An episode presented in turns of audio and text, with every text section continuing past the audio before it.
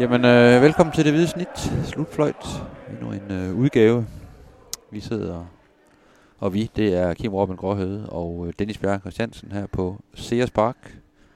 AGF har lige vundet 1-0 over Sønderjyske. I øh, ja, en art bundbrag, ikke? Men nu er AGF så begyndt at kravle lidt op i, i tabellen. Havde de tabt, havde det, havde det været Started from the bottom, now I'm here, som Ja. de unge siger. De er på vej frem. Tredje sejr i træk. Øh, fortjener en af slagsen, synes jeg. Hvad synes du, Dennis? Jeg synes også, det var fortjent, men, men det var ikke køn. Hvis jeg lige sådan skal lave et hurtigt recap, så øh, kom AGF foran efter en god halv time af Jon Daggaard Torsteinsson, der, øh, der sendte et, et flot indlæg fra Mustafa Bundo i, i kassen. Øh, og kan man sige, en, en, en fin første halvleg, og så, så gik der lidt øh, OB Vejle kamp i den, hvor, hvor AGF øh, blev lidt forsigtig i anden halvleg og, og gav Sønderjyske mere plads, men, men Sønderjyske var helt tydeligvis ikke et godt nok hold til ligesom at udnytte den plads, de fik, og, og havde meget, meget svært ved at skabe øh, målchancer. De, de skabte vel ikke, faktisk ikke nogen i, i anden halvleg.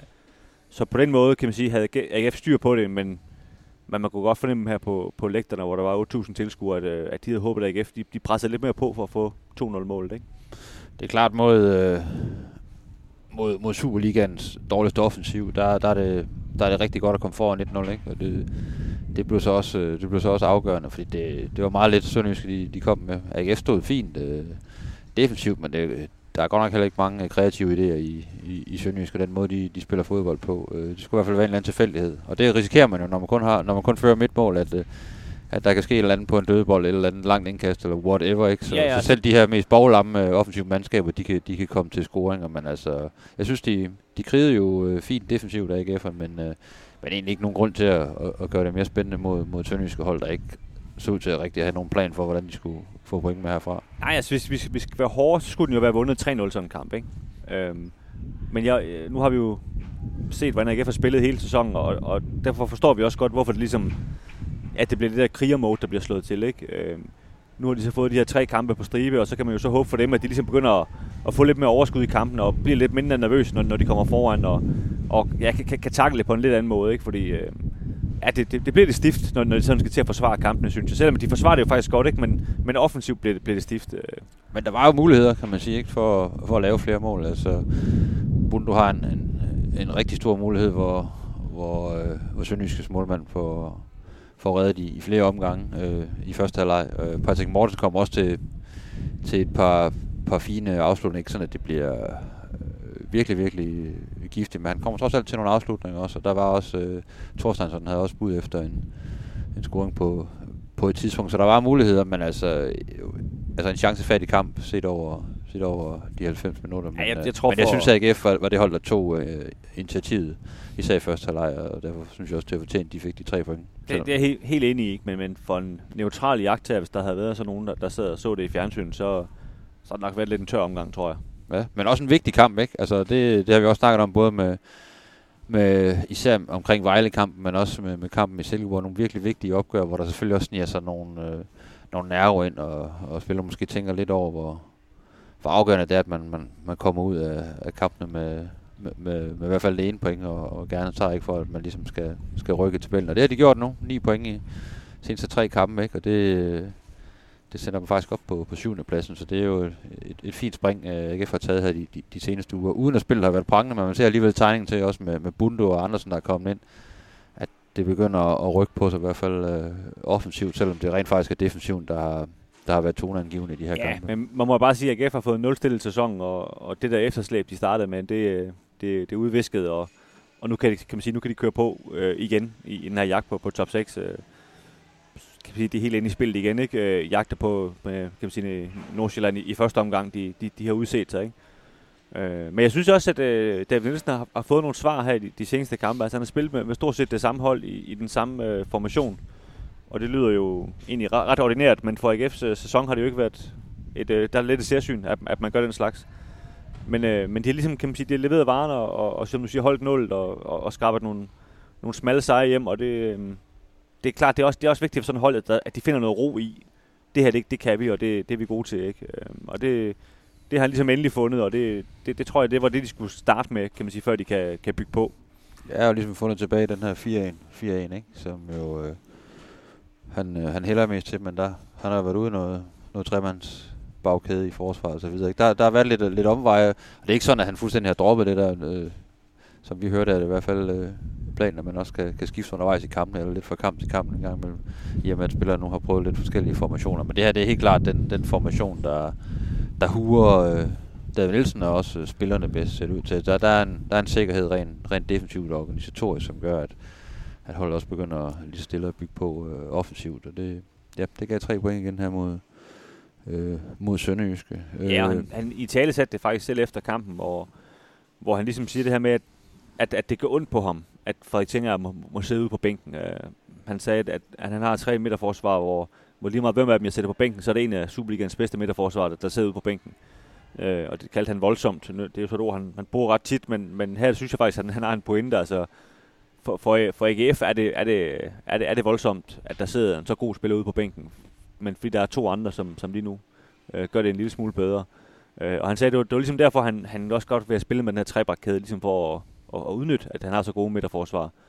Uh, og han kom så ind på, at, at det var lidt det samme med, med den centrale midtbane, hvor også en, en Patrick Olsen har, har siddet udenfor i noget tid nu. Uh, ja, på Brandhoff sidder ude. Brandhoff sidder også ude, ikke? Og, men på den anden side kan man også sige, nu har, nu har Thorstensson karantæne til, til næste kamp, fordi han fik en advarsel.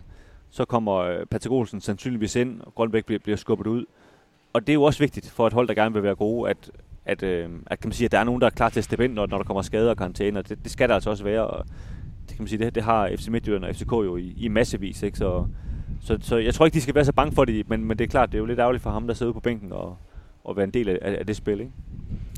Generelt en øh, kollektiv rigtig fin præstation af, af AGF-holdet, synes jeg. Der er ikke nogen, der sådan stak vanvittigt meget ud. Øh, jeg synes, øh, jamen hele bagkæden gjorde det rigtig, rigtig godt, og det kan man også øh, læse ud fra vores, vores karaktergivning øh, på stiften.dk i, i, i, mand, eller i tirsdagens avis. Det er jo mandag i aften, ja.